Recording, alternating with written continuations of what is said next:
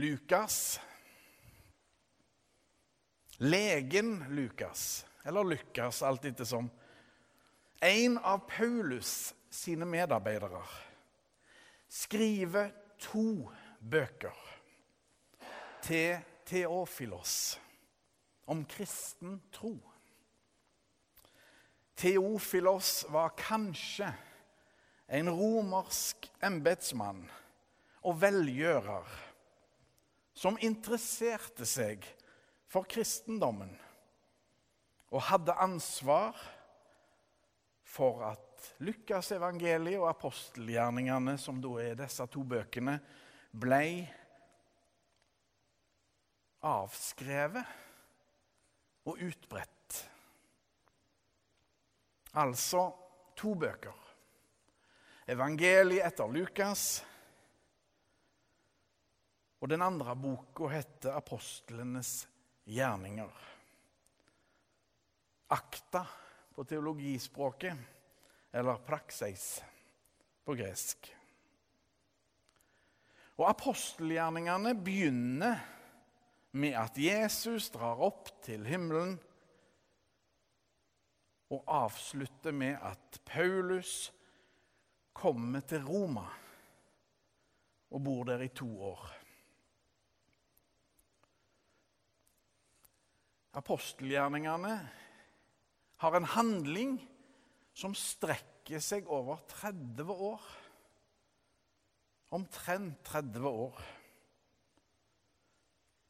Og dagens bibelord, slik det står i bibelleseplanen, er å finne i apostelgjerningene det 16. kapittelet, vers 12-15. Derfra bar det videre til Filippi, en by som ligger i det første distriktet i Makedonia og er romersk koloni. I denne byen ble vi noen dager. På sabbatsdagen gikk vi utenfor byporten til en elv hvor vi mente det var et bønnested. Der satte vi oss ned og talte til kvinnene som var samlet. Blant tilhørerne var det en kvinne fra Tiatira som het Lydia. Hun handlet med purpurtøy og hørte til dem som dyrket Gud. Herren åpnet hennes hjerte, så hun tok til seg det Paulus sa. Sammen med alle i sitt hus ble hun døpt. Og hun ba oss, kom og bo i hjemmet mitt, så sant dere mener at jeg tror på Herren. Og hun overtalte oss til det. Det er mye action i akta, eller apostelgjerningene, om du vil. Det er spennende lesning med mye dramatikk. Og Hvis vi nå skal tenke oss hvor er Filippi hen? Jo, det er i dagens Nord-Hellas.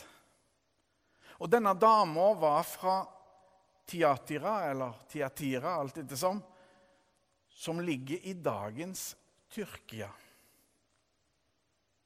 Og Lydia hun må ha vært ei velstående forretningskvinne.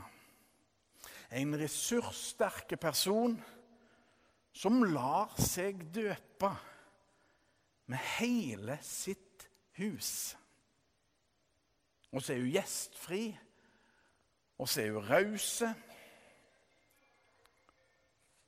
Og så var hun ikke jøde, men dyrket Gud, som det står. Altså i utgangspunktet sikkert en ikke-jøde som sympatiserte med jødisk tro.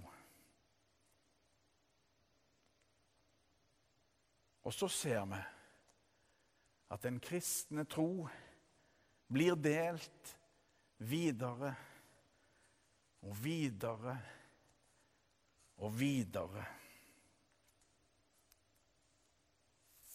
Og så når budskapet òg opp her, langt mot nord.